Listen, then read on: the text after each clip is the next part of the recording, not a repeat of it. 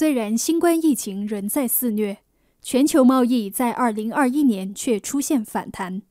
主要原因是多个主要经济体推出大规模的财政刺激措施，加上大力推行疫苗接种计划，对其复苏势头以及对香港出口的需求均有所支持。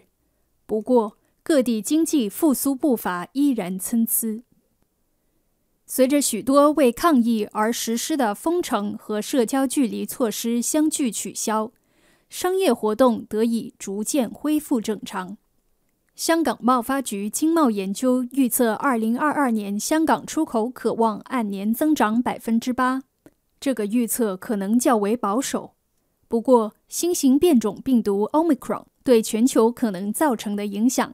加上物流瓶颈出现，供应链不断中断。也为明年的环球经济增长前景加添变数，影响香港出口表现。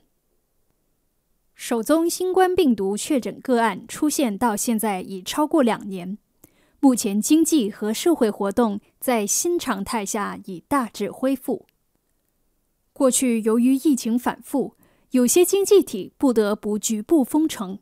不过大多数企业已为这种情况做好准备，例如。有些公司实行混合工作模式，允许员工在住处或办公室工作，而工厂则推行智能制造，在厂房应用自动化和人工智能等技术。香港出口在二零二一年前十个月较去年同期急升百分之二十六点七，增幅可观。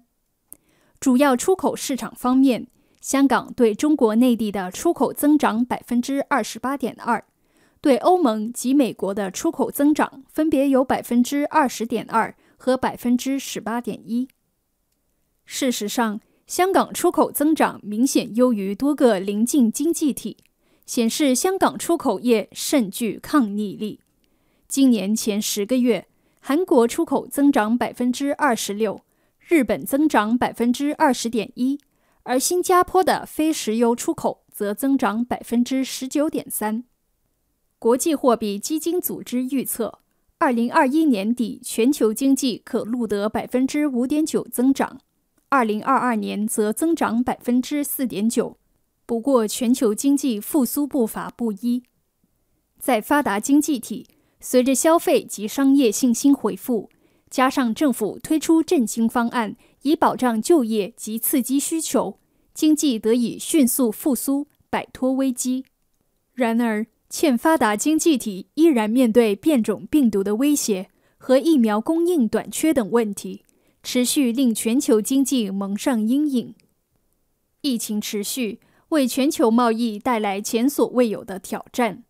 其中物流瓶颈和运输成本上升等问题备受关注，货运延误。港口关闭或堵塞的情况不断出现，加上海运需求激增，使全球供应链在金钱和时间上都大失预算。最新一季的香港贸发局出口指数调查显示，有百分之七十一点三的受访出口商表示受疫情影响要延迟交货，而百分之三十九点八则说生产日程混乱。同时，百分之六十二点四的受访出口商估计物流成本在明年第一季继续增加，而四成出口商更预测成本将上涨百分之十至百分之三十。全球经济自二零二一年起强劲反弹，如疫情能持续改善，明年应可保持增长势头。同样，香港出口在来年可望继续温和增长。事实上，二零二一年前十个月，香港的出口货值已较疫情前的二零一八年同期高出百分之十五点七。具体而言，百分之二十九点一的香港出口商预料，二零二二年的总销售额保持不变，而百分之二十八点三则预期有增长。明年经济增长，除了面对病毒带来的不明朗因素外，各国中央银行对通胀的担忧日增，因而大有可能缩减量化宽松规模，或会削弱全球复苏的势头。中美关系发展和地缘政治紧张也值得香港出口商继续关注。